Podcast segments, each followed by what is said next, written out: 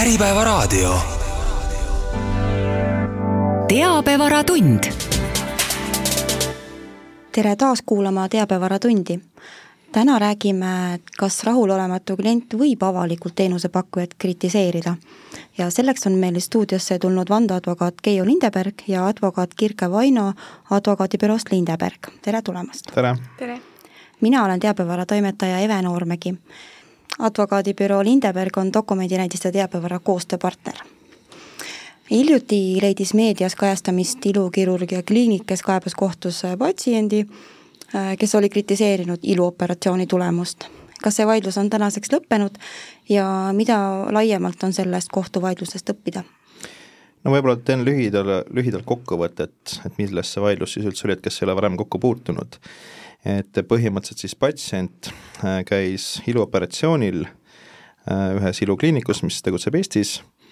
ja ta polnud äh, tulemusega rahul. ja ta läks siis ühte Facebooki gruppi, mis siis koondabki selliseid ilukirurgia huvilisi ja tegi seal postituse. ja see postituse sisu, mis on võib-olla ka selle vaidluse äh, konteksti ja, ja ka selle kohtulahendi mõistmisel oluline, ongi see, et ta eesmärk olnudki kritiseerida või, või nagu kuidagi laimata ja nagu selle nurga alt läheneda, vaid ta pigem, äh, mis ta tegi, ongi siis see, et ta esiteks pani endast foto Äh, tõi siis välja, äh, mida ta selle iluoperatsiooniga saavutada soovis ja samuti postitas ka endast foto, kus siis palus hinnata, et kas siis tõepoolest see, mida ma tahtsin, on nüüd saavutatud. ja samuti, mida ta tegi, äh, ta siis küsis ka teistelt Facebooki kasutajatelt, kes seal grupis on, et kas, kas teil on ka negatiivseid kogemusi selle kliinikuga ehk siis tegelikult, kui seda postituse nagu sisu vaadata, siis ta ei olnudki selline nii-öelda ründav otseselt, vaid ta pigem nagu kajastas seda tegelikku olukorda, noh, ma ütlen, kõige parem näide või kõige paremini ilmestabki seda just see, et ta pani ka foto. Et see on see, et näete, see on tulemus. ma maksin, ma ei mäleta, kas selle summa ütles, aga, aga ütleme, ma maksin selle teenuse eest ja selle ma sain. Eks see on nagu selle kaasuse mõistmisel nagu hästi oluline, et ta polnud lihtsalt see, et ma lähen kuhugi sotsiaalmeediasse sõimama, et ma käisin, sain mingit teenust ja seal on kõik nagu noh, mis iganes sõnadega, vaid, vaid ta oli nagu natukene teistsuguse ülesehitusega. mis edasi sai, oligi siis see, et kliinikule selline jutumärkides reklaam väga ei meeldinud, pehmelt öeldes, ja seal olid kohtueelsed läbirääkimised pikalt ja lõpuks see siis lõppes sellega, et see ilukliinik äh, kaebas äh, enda patsiendi kohtusse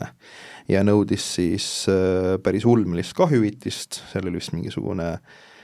kolmkümmend tuhat millegagi oli seal nii-öelda saamata jäänud tulu ja, ja mida kõike seal veel nõuti, ehk siis kümnetest tuhandetest me rääkisime, ja äh, lõpuks äh, see vaidlus siis lõppes niimoodi, et äh, lõppastmes jäi siis hagi rahuldamata äh,, ja, ja kõik kulud äh, jäid siis selle kliiniku kanda. Ja noh, kuna see asi läks ka meediasse, siis, siis tegelikult jah, tulemuseks siis oligi see, et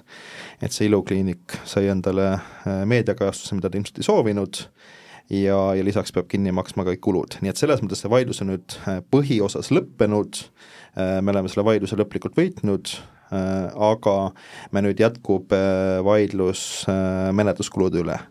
ehk siis see, et kliinik peab enda kulud ise maksma, see on nüüd jõustunud, aga mis summast täpselt tuleb selle patsiendi õigusabile kinni maksta, see on nüüd veel vaidlus pooleli. Jah, eh, kui alguses siis maakohus täielikult rahuldas vastaspoole hagi, siis ringkonnakohus tegi vastupidise otsuse ja jättis kõik rahuldamata. Ja ringkonnakohus siis ütleski, et seal on oluline vaadata ka seda, et äh, kus on see postitus avaldatud, et see oli avaldatud kinnises Facebooki grupis ja seal oligi kutsutud inimesi üles jagama nii positiivseid kui ka negatiivseid kogemusi. Ja teise asjana tõi ringkonnakohus välja ka selle, et jah, et see postitus võis küll omada hoiatavat mõju isikutele, kes seda loevad, aga nende naiste isiklikud kogemused, kes on teinud iluoperatsioone, on olulised tervisega seotud aspektid ja tõstatavad tõsiseid avalikku huvi puudutavaid küsimusi, seega ringkonnakohus nii-öelda siis julgustas selliseid avalikku huvi puudutavaid küsimusi tõstatama ja kui nüüd noh, selle küsimuse juurde tagasi tulla, et mida sellest vaidlusest õppida on, et ma arvan, see kõige suurem, kaks õppetundi on. et esimene on see, et kui patsient või ükskõik mis klient, on sa, oled sa siis midagi ostnud või mingisugust teenust tarbinud, et kui äh, rahul ei olda selle teenusega, et seda ei pea enda teada hoidma et noh, see ringkonnakohtu äh, lahend seda ikkagi selgelt julgustas, et, et nendel teemadel peab rääkima, noh ilukirurg on nagu eriti hea näide, sest noh, tegelikult see on ju meditsiinilises mõttes täiesti ebavajalik protseduur enamasti, ehk siis juba need riskid, äh, mis nii-öelda võetakse, on noh, selles mõttes meditsiinilises vaates ebaolulised, et ma nii-öelda mingisugust meditsiinilist probleemi ei lahenda, pigem ma ei ole mingi visuaalse poolega rahul. et noh, seetõttu juba meditsiiniõiguslikult on nagu hästi oluline teavitada inimesi, et mis need reaalsed tagajärjed olla võivad võivad. aga äh, mis võib-olla äh, nagu laiem mõju veel, on see, et, et kui nüüd tõepoolest äh, mõni ettevõte tunneb ka, et, et noh, ma ei ole üldse rahul, et ma ei tea, keegi tegi kuskil Facebookis või, või ma ei tea, mingisuguses kommentaariumis või, või mis teilt on hästi palju kohtuväljusi olnud, on need Google re review'd, ehk siis ma saan Google'is ka igasugu äh, kommentaare ettevõtete kohta kirjutada ja lihtsalt nagu valimatult ja võib-olla läbimõtlematult äh, neid kommenteerijaid ja tagasiside andjaid kohtusse kaevata,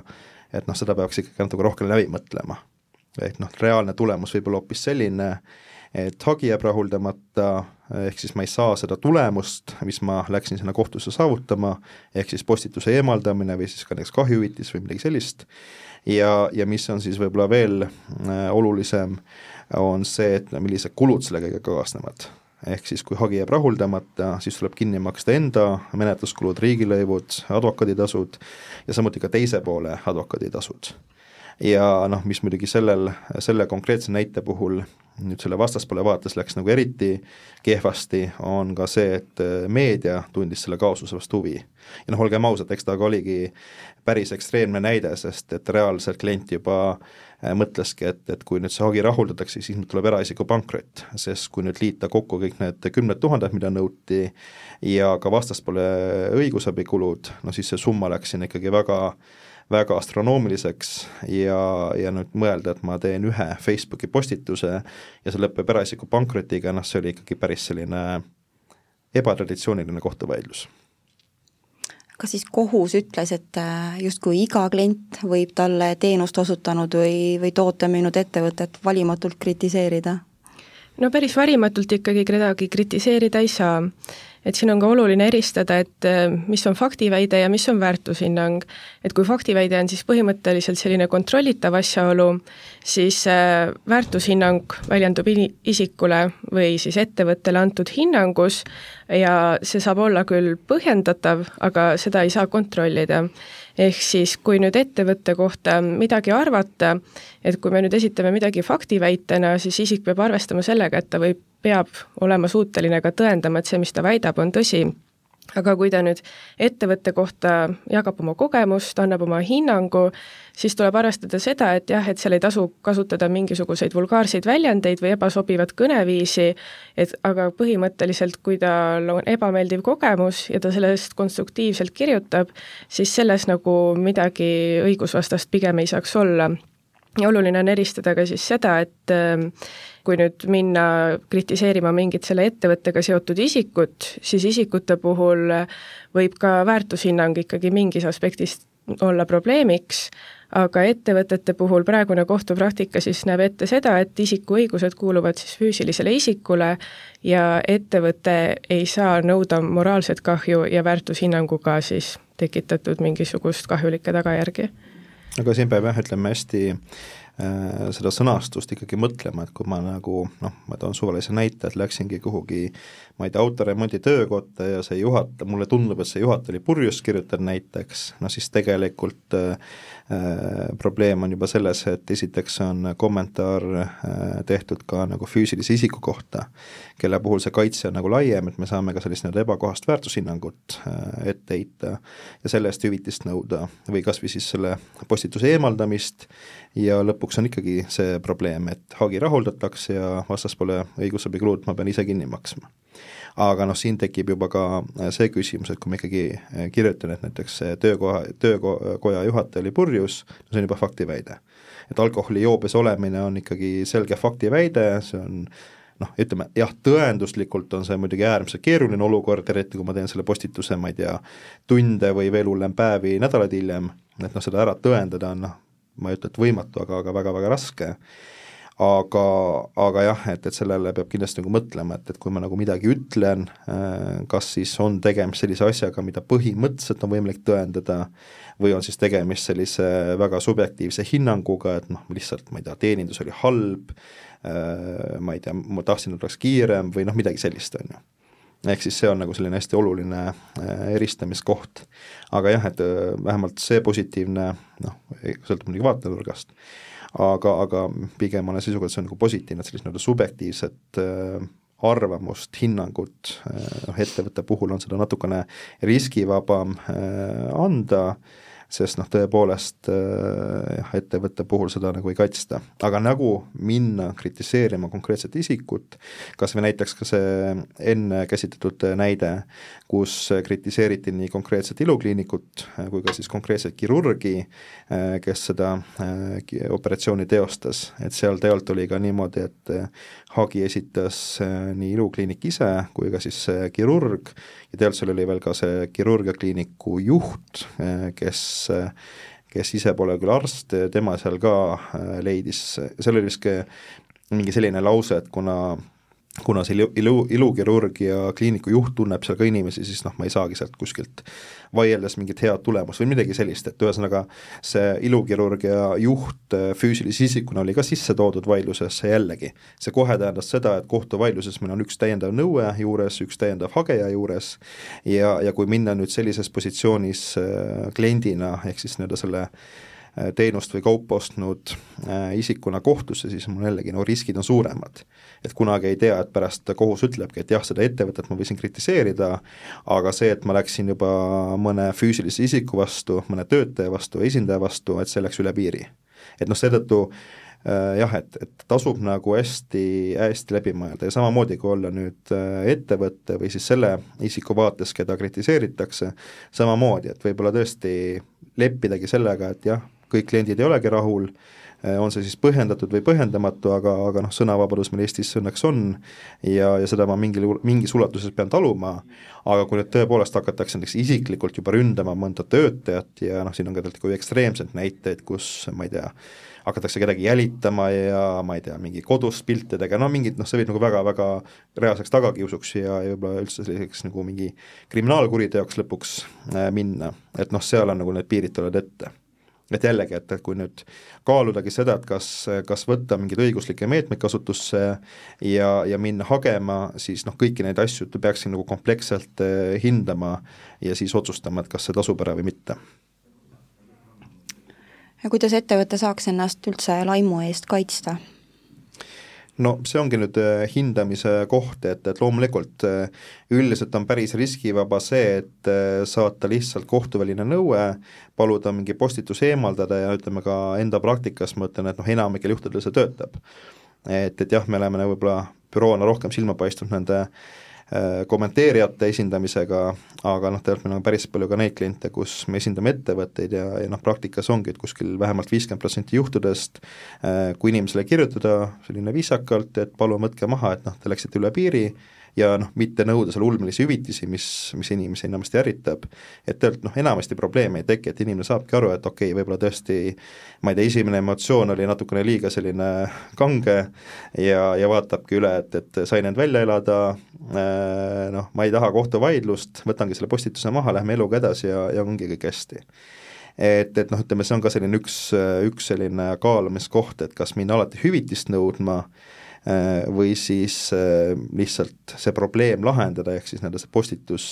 äh, kustutada. Ja noh, olgem ausad, kui palju inimesi üldse neid postitusi loeb, et, et isegi kui ma teen kuskil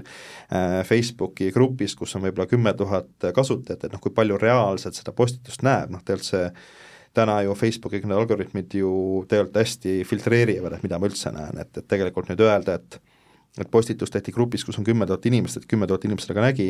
noh, tegelikult see on võib-olla kümme või sada korda väiksem hulk, et noh, jällegi see kahju tegelikult võib olla nagu väga olematu ja kui õnnestub see õigel ajal või võimalikult kiiresti maha võtta, siis tegelikult ongi nagu endine olukord taastatud ja, ja võib-olla sageli tasub ka selle lahendusega nagu rahul olla ja leppida. Kui nüüd tõesti äh, võtta see nii-öelda maksimumprogramm, ehk siis äh, nõuda ka hüvitist Äh, ehk siis ütleme, õigusabikulude hüvitamist, siis võib-olla ka mingisugust mittevaralist kahju, no mis on siis ütleme, praktikas veel eraldi probleem, on siis nii-öelda saamata jäänud tulu hüvitamise nõudmine, noh, see on täitsa omaette teema. Et, et kui nagu selline suur kohtuvaidlus ette võtta, noh siis peab ikkagi olema see, minu isiklikul hinnangul, peab see nagu laim olema väga häiriv, et ta ikkagi mingi piiri peab ületama, et seda üldse tasuks nagu teha ja alati peab olema valmis selleks, et, et ei lähegi hästi ja, ja siis on ka see riskikoht, et kas ma olen valmis selleks, et ma kohtuasja kaotan, maksan teise poole kulud kinni ja veel hullemal juhul sellest tuleb mingisugune meediakajastus, mis lõpeb sellega, et ma saan sellise jutumärkides hea hea meediakajastuse, mis võib-olla viib mul veel rohkem kliente ära. et see ongi selline kaalumiskoht ja, ja tegelikult noh, siinkohal pigem soovitus ongi, et, et alati tasub äh, enne advokaadiga konsulteerida, et, et mida on nagu mõistlik teha, need riskid ära hinnata. sest enamasti või noh, sageli äh, inimesed või, või kliendid jõuavadki seisukohale, et noh, need riskid on liiga suured ja ütleme, see jama, mis sellest lõpuks tulla võib, äh, nii-öelda tavakeeles öeldes, on nagu palju suurem kui, kui see, mis mingi õnnetu ma ei tea, Google review postitus, noh, olgem ausad, kui palju neid inimesi üldse loeb ja, ja ja kui sul on veel ka neid postitusi peale, mis on kiitvad, siis noh, see üks negatiivne kommentaar tegelikult ju ka midagi väga ei näita. et pigem nagu vaadatakse seda keskmist, et mis nagu üldiselt inimesed arvavad, et no ütleme, see ongi selline kaalumiskoht ja, ja pigem tasub nagu alati olla noh, pigem natukene ettevaatlikum, konservatiivsem, kui nagu väga, väga jõuliselt kõiki hageda, et, et noh, see nagu tundub mulle, et ei, ei tööta väga hästi ja, ja siinkohal ma tooks tegelikult ühe näite, noh, ütleme natukene teisest valdkonnast äh,, meditsiiniõigusest äh,, et äh, sageli, kui juhtub mingisugune raviviga ja, ja patsient on äh, rahulolematu selle tulemusega, siis see, kas, äh, kas nüüd äh, läheb see asi äh, Äh, suureks kohtuvaidluseks ja võib-olla tuleb ka mingisugune meediakajastus ja asjad sinna, sõltub hästi palju sellest esmasest kontaktist, kui selline negatiivne situatsioon on äh, tekkinud. ehk nii-öelda enda, enda praktikas mul on nagu palju näiteid, äh, kus patsient, kui ta nüüd ongi raviveaga, tuleb advokaadi juurde, et tahab, ma ei tea, kõik kohtusse kaevata ja kuriteokaebused esitada arstide vastu ja nii edasi, siis tegelikult noh, kõik me saame üldjuhul aru, et noh, meditsiin ei ole selline kõikvõimas ja juhtubki selliseid tüsistusi, juhtub teatud juhtudel ka ravivigu, eh, mille eest on õigustatud saada mingisugust hüvitist ja, ja küsimus siis ongi selles, et kui ma nüüd võtangi selle teenusepakkujaga, noh antud näite puhul siis haiglaga ühendust ja ütlengi, et noh, tulin teie juurde, selline on tulemus, et mis nüüd saab, siis eh, hästi palju eh, sõltub nüüd, mida, mis on see esimene vastus haigla poolt. et noh, ma toon lihtsalt ühe näite, et eh, tegemist oli siis ka ilmselt raviveaga ja selle tulemusena üks laps suri, eh, noh, ütleme vastsündinu. Ja põhimõtteliselt kui vanemad, kes olid siis nagu ilmselt kõige hullemas olukorras üldse, kus nad elus olnud on läksid haiglasse ja siis haigla esindaja siis põhimõtteliselt pikalt rääkis sellest, kuidas Eestis surebki iga aasta mingi arv imikuid ja noh, see ongi täiesti tavaline ja noh, nii juhtub et noh, ütleme see emotsioon, äh, mis siis klientidel tekkis, noh, nad põhimõtteliselt võtsidki elu eesmärgiks haigla ja kõik hävitada, et noh, nii palju, kui vähegi õnnestub neid, seda haiglat rünnata, noh, kõik need eesmärgid või ütleme, kõik need võimalused ära kasutada aga noh, teised näited, et kui ongi, kui, kui tunnistataksegi viga, pakutakse seal noh, erinevad igasugu psühholoogid ja mis iganes nagu sellised toetavad meetmed ja, ja samamoodi pakutakse ka mingisugust mõistlikku hüvitist, noh see emotsioon, äh, mis noh, piltlikult öeldes kliendil või, või õiguslikus mõttes kliendil äh, selle teenuse osas äh, tekib, on oluliselt positiivsem. loomulikult noh, ütleme see meditsiin on selles mõttes natukene ekstreemne näide, et seal ka see, mis juhtub, on sageli selline väga-väga karm ja ja, ja reaalselt mõjutab kogu äh, inimese elu, kui me räägime tavalisest teenindus- või, või kaubandussektorist, siis loomulikult need, need ei ole isegi võrreldavad. aga ikkagi, ma ütlen, see põhimõte on nagu õige, et kui mingi selline probleem on, kui need asjad kohe selgeks rääkida inimlikult, mõistlikult, siis noh, tegelikult äh, see aitab vältida selliseid äh, väga negatiivseid kommentaare ja samuti, kui see kommentaar on äh, juba postitatud, siis noh, jällegi, et millises stiilis minna nõudma selle eemaldamist või, või, või noh, mingisugune nõu esitada. et sellest sõltub ka väga palju, et kas tekib selline põhimõtteline vaidlus mis tähendab mõlemale poolele tohutut ajakulu, rahalist kulu ja noh, see tulemus on raskesti ennustatav või, või tegelikult õnnestub need asjad kohtuväliselt lahendada ja kõik nagu saavutavad selle eesmärgi, mis nad tahtsid. et noh, see ongi nagu paljude vaidluste puhul selline nii-öelda inimlik, ratsionaalne käsitlus, et noh, see nagu kipub ära ununema, äh, mõeldakse ainult nagu enda õigustele või, või võimalustele ja, ja ei mõelda nii palju sellele, et, et kas seda alati tasub nagu nii-öelda maksimumi võtta, et noh, pigem alati võib-olla mõlemad pooled võtavad sammu tagasi, mis on ka kompromissi ju eesmärk, et me teemegi mingi kokkuleppe ja, ja teeme ta selliselt, et mõlemad pooled tunnevad, et, et et ei ole nagu need kaotaja pooled, vaid mõlemad pooled midagi saavad ja jällegi, et, et me väldime sellist tohutut aja- ja rahakulu, närvikulu ja, ja saame nagu eluga edasi liikuda teoreetiliselt äh, võib laim tekitada ettevõttele väga suure kahju, et kas klient peab selle täielikult kinni maksma? no sellise kahju hüvitamise puhul esiteks tekib küsimus äh, kahju ettenähtavusest ehk kahju hüvitamise nõude üheks eelduseks on see, et sellise kahju tekkimine peab olema ettenähtav. kui nüüd rääkidagi sellest ilukliiniku vaidlusest, siis äh, tekibki küsimus siin sellest, et kas see inimene pidi ette nägema, et kui ta kirjutab Facebooki kinnisesse gruppi mingisuguse postituse oma kogemusest, et sellest võib tekkida ilukliinikule tuhandetesse ulatuv kahju saamata jäänud tulu näol. et selline on, asi on nagu küsitav. Ja teine küsimus on siin puhtmajanduslikus kahjus ja saamata jäänud tulu eristamises ehk siis puhtmajanduslik kahju on selline kahju, mis ei ole seotud isiku ega asja kahjuga ehk siis see tähendabki seda, et ei ole see ilukliinik ega mingi asi seal füüsiliselt katki läinud, vaid äh, kahju on justkui nagu, seisnebki selles, et äh, see kliinik ei ole saanud tulu. ja mis see siis tähendab, on see, et sellised nõuded tihti esitatakse mm, selliselt, et nende nii-öelda siis faktiväidetega on sekkutud äh, mingisuguse ettevõtte majandustegevusse. ja tegelikult see säte ei võimalda puhtmajanduslikku kahju hüvitamist puhtmajanduslikku kahju on küll võimalik nõuda, seda sellisel juhul, kui äh, kahju tekkimine on seotud äh, millegi sellisega, mille eesmärk ongi kaitsta kannatanud puhtmajandusliku kahju eest või kui tegemist on heade va-, kommete vastase tahtliku käitumisega, aga need reegeljuhtumid, mis siis hõlmavadki ma-, faktiväidete või mingi sellise asjaga majandustegevusse sekkumist, tegelikult sellist kahju ei hõlma.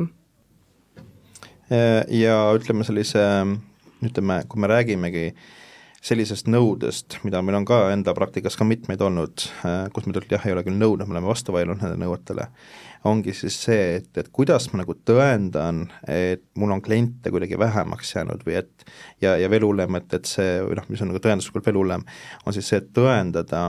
et, et see on tingitud mingisugusest postitusest kuskil Facebooki grupis või kus iganes.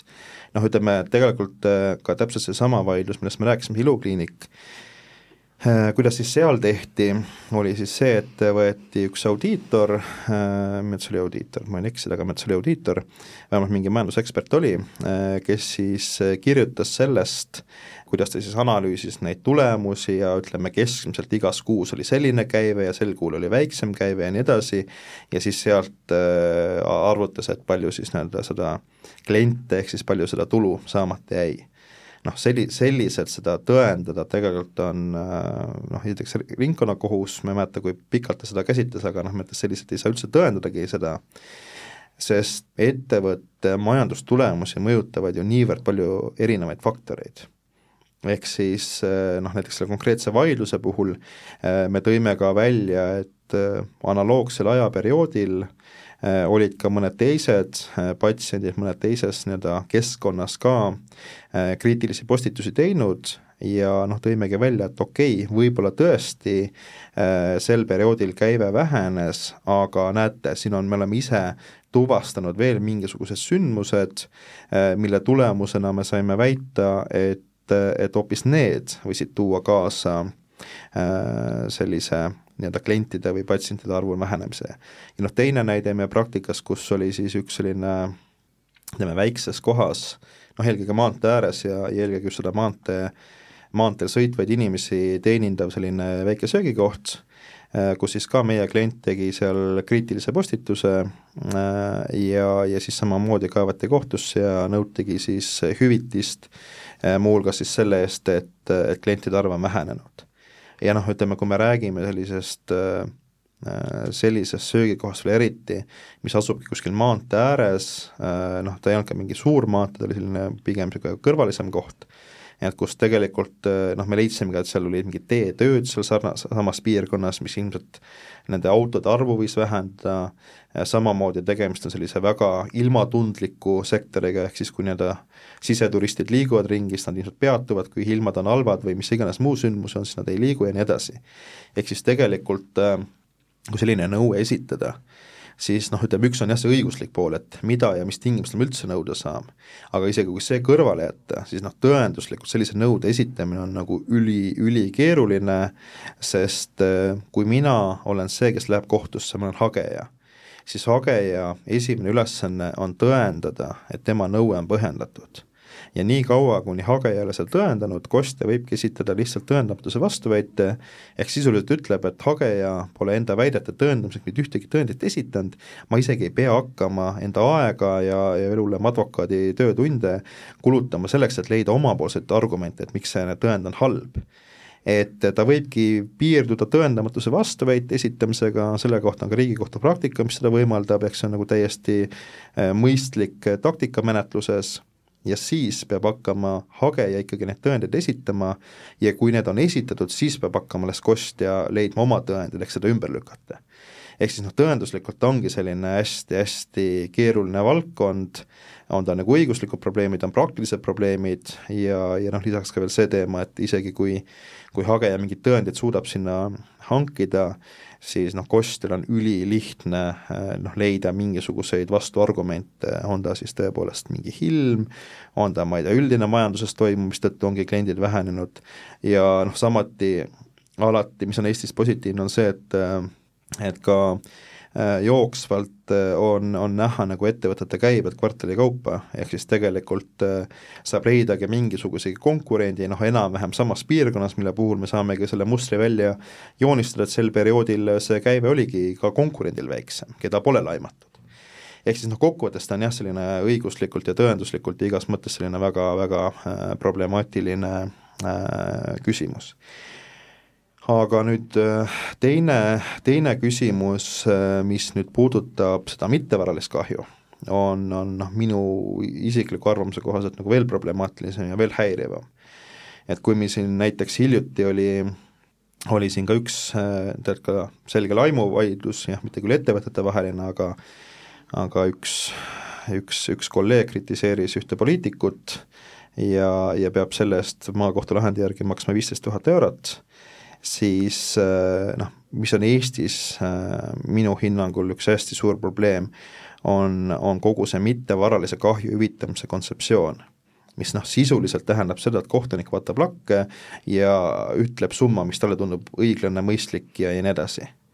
ehk siis tegelikult meil puudub igasugune, igasugused sellised kataloogid või mingisugused näidisloetelud, mille puhul me saame öelda, et ma ei tea,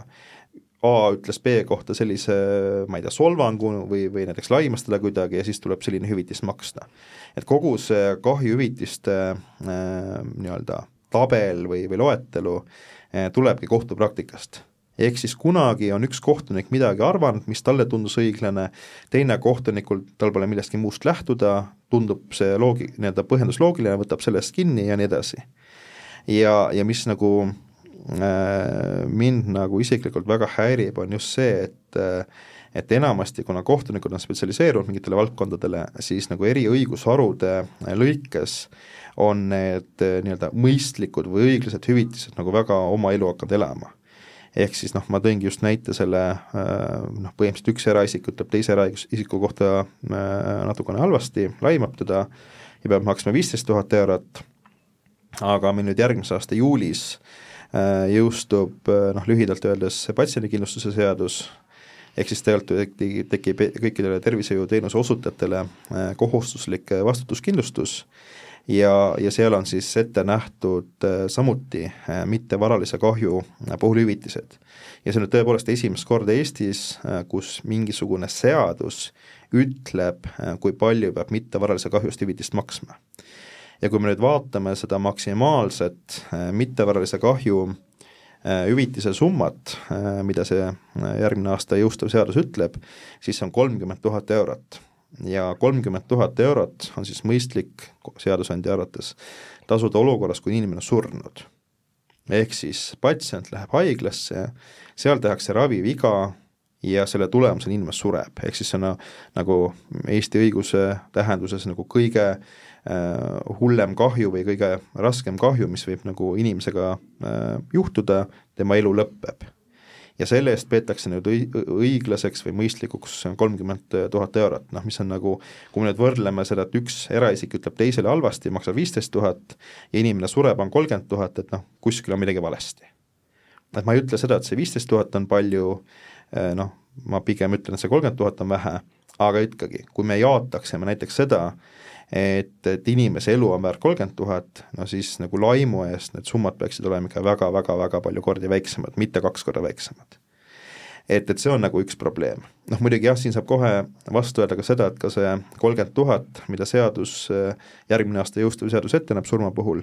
eh, see ei ole nagu piir selles mõttes, et see on lihtsalt nii-öelda kohustusliku vastutuskindlustuse summa, alati võib maksta rohkem, alati võib nõuda rohkem, lihtsalt seda vaidlust lahendatakse siis äh, mitte enam kindlustuse raames, vaid siis nagu täna tavaline menetlus, ehk siis ma kaeban haiglakohtusse või arstikohtusse ja nõuan temalt hüvitist. aga ikkagi, et, et noh, kui, kui seadusandja mingisugused äh, indikatsioonid andnud, ega me ei tea, kuidas kohtupraktika sellest nagu, sellega kaasa läheb et kas siis alates järgmisest aastast ongi kolmkümmend tuhat absoluutne maksimum ja noh, seda arvestades on see viisteist tuhat nagu jälle eriti, eriti kummaline. ehk siis ühesõnaga, see on nüüd jah, selline äh, veel omaette probleem kõikide nende laimuvaidluste puhul või üldse, kui me räägime mittevaralisest kahjust, siis äh, ta on mõnes mõttes loterii et ma mitte kunagi ei tea, äh, millise hüvitise ma saan äh, ja, ja noh, see kohtupraktikas need anomaalsed lahendid ja tegelikult ka nüüd see patsiendikindlustuse seadus, mis nüüd järgmine aasta jõustub, noh, ma pigem ütlen ka, see on natukene anomaalia, et tegelikult äh, ta viitab kõik ühele probleemile, et selline süsteemne lähenemine, kus me siis üritamegi äh, teha mingisugused selged juhised, äh, kuidas mittevaralist kahju hüvitada, noh see Eestis puudub. ja noh, minu arvates selle probleemiga peaks tegelema. no see oli nüüd küll väga kurb näide aga lähme veel laimuga edasi, et kas alati peab laimu korral hüvitist tasuma? Äh, mittevaralise kahju puhul siis kehtib selline põhimõte, et kui on kindlaks tehtud, et isiku õigusi on rikutud ja teine pool selle eest vastutab, siis hüvitis peab järgnema. ja seda kinnitas ka nüüd äh, hiljutine, käesoleva aasta märtsis äh, jõustunud Riigikohtu lahend ja muuhulgas tõi välja ka selle, et noh, hageja ei pea tõendama mingisuguste raskete tagajärgede tekkimist sellest, vaid piisab sellest, et minu õigusi on rikutud, näiteks siis ebaõige faktiväitega või ebakohase väärtushinnanguga ja hüvitis sellele peab siis järgnema.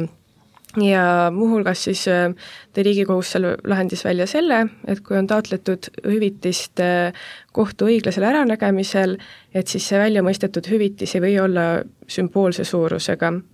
Äh, praktikas need hüvitised siiski nii suured ei ole, nagu siin enne kõlanud näide, et see viisteist tuhat oli küllaltki erandlik, enamasti nad jäävad sellise mm, paarisaja euro kanti. ja kohus siin tõi välja ka veel selle, et mm, et vabandamine ja kohtumenetlus ise ei ole asjaolu, mis selle hüvitise väljamaksmise välistaksid, et vabandamist võib arvesse küll võtta hüvitise suuruse määramisel, aga et see hüvitis välja tuleb ikkagi mõista ja nendest hüvitistest tihti problemaatilisem on need menetluskulud. Äh, vot see ongi jah, üks, üks selline koht, mida, mida tahaks nagu ka omalt poolt äh, äh, välja tuua, et ongi just see noh, natukene ebaloogiline olukord tekkinud. et, et kui ma esitan hagi äh, ja palun siis hüvitist kohtu õiglasel äranägemisel, siis isegi kui kohus leiab, et see õiglane hüvitis on näiteks üks euro siis see õiguslikkus, noh menetlusõiguslikult tähendab seda, et kohus hagi rahuldab. Äh, ma olengi esitanud hagi selliselt, et kohus ütleb õiglase summa ja kui ma sellise summa saan, vahet pole, on see üks euro või, või viisteist tuhat või miljon eurot, siis on hagi rahuldatud. ja mida see kaasa toob omakorda, on siis see, et kuna hagi rahuldati, siis teine pool peab maksma kinni minu kui hageja õigusabikulud ja ka menetluskulud, ehk siis ütleme, riigilõivud, advokaaditasud, noh, kui seal teoreetiliselt mingi ekspertiis tehti, ütleme kõik kulud. Ja, ja see praktikas noh, minu arvates nagu teine suur probleem, ehk siis nii-öelda see hüvitis, mida ma kohtusse nõudma lähen, ongi, ja mida ma saan, ongi võib-olla selline täiesti naeruväärne, sümboolne aga, aga kui nüüd kohus mõistab ka kõik need menetluskulud välja, siis see summa võib olla oluliselt suurem kui see nii-öelda päris hüvitis, mida ma kohtusse nõudma läksin. Ehk siis noh, minu hi-, isiklik hinnang ongi, et tegelikult eh, kuidas seda probleemi lahendada äh,, minu arvates kohtupraktika täna seda probleemi, selle probleemi lahendamisega tegelenud ei ole ja minu arvates ongi küsimus nagu seadusandjale, et, et täna võib-olla oleks, kuna meil nüüd kohtupraktikat on tekkinud päris palju, on selliseid noh, ütleme, jõulisi seisukohti, on see viisteist tuhat näide, on ka see Kirke viidatud Riigikohtu lahend, mis ütleb, et igal juhul pead hüvitist saama ja vabandamine, mida, mida varasem ringkonnakohtu praktika jaotas, et vabandamine võib piisav olla, et seda me enam ei aktsepteeri, et tegelikult võib-olla võiks üldse äh, vaadata seda võlaõigusseaduse paragrahvi, äh, mis räägib hüvitise tasumisest ja tõepoolest sinna mingisuguse lävendi panna, ehk siis kui ma ikkagi äh, formaalselt eh, rikun, formaalselt laiman, formaalselt esitan ebaõige faktiväite, aga see intensiivsus on noh, ütleme väga väike, siis eh, kas see nüüd tõepoolest õigustab seda, et me mitu aastat vaidleme kohtus, saangi oma sada-kakssada eurot hüvitist ja siis maksan mitu tuhat õigusabikulusid, noh, minu arvates see ei ole, ei ole see, mida see seaduse mõte olema peaks et seaduse mõte üldse, mis on nagu kohtu äh, asjade või kohtuvaidluse üldse mõte, on see, et ma ikkagi kohtusse lähen siis, kui see rikkumine on niivõrd intensiivne, et selline kohtu sekkumine on vajalik. noh, minu arvates on väga küsitav, et kui selline noh, ma ütlen, ma toon lihtsalt ühe näite jällegi, mis mul enda praktikast on, et äh, üks selline sotsiaalmeediastaar, kes võib-olla on ka sellise väga provokatiivse või noh, vähemalt mingi hetk oli sellise väga provokatiivse riietumisstiiliga ja üks klient kirjutas tema kohta, et noh, riietub nagu prostituut. jah, väga koledasti öeldud, inimlikult täiesti arusaadav, võib-olla ongi solvav, aga noh, riietub nagu ja siis mingisugune omadussõna, et ma ei ole ju öelnud, et ta on see et noh, jällegi, et, et kas nüüd see õigustab seda, et minna kohtusse ja nõuda hüvitist, et noh, lihtsalt minu arvates see kohtus, just selliste vaidluste puhul see kohtusse pöördumise mingi lävend peaks nagu olema. ja, ja, ja, ja noh, jällegi, et aga noh, täna, täna nagu ka Kirke tõi välja, et see Riigikohtu juhised on pigem vastu, vastupidises suunas, et igal juhul hüvitist peab saama, vabandamist me ei arvesta ja noh, jah, õnneks nagu Riigikohus pole öelnud, et igal juhul tuleb tuhandeid maksta, aga noh, ütleme jah, et, et see nagu ei ole päris proportsioonis minu isikliku hinnangu kohaselt nii, aga kas on lõpetuseks teil raadiokuulajatele jagada nõuandeid, mida nad peaksid tegema või mõtlema enne, kui nad hakkavad üldse rahulolematust väljendama mõne ettevõtte või kas, kas või isiku vastu mm? -hmm. kindlasti tuleks läbi mõelda enda sõnakasutus, tuleks arvestada sellega, et eh, kui ma midagi tõsikindlalt väidan, et ma idee poolest oskan ka seda tõendada ja kui ma annan hinnanguid, et ma ei solva kedagi põhjendamatult, et ma ei kasutan mingisuguseid vulgaarseid väljendeid seal, et ma räägin enda kogemuse pinnalt ja lähtun sellest juhtumist siis, millega mul on see ebameeldiv kogemus, et ma ei lähe kellegi suhtes põhjendamatult isiklikuks. no mina omalt poolt tahaks öelda, et Eestis on niisugune ütlus, et suppi ei sööda kuumalt,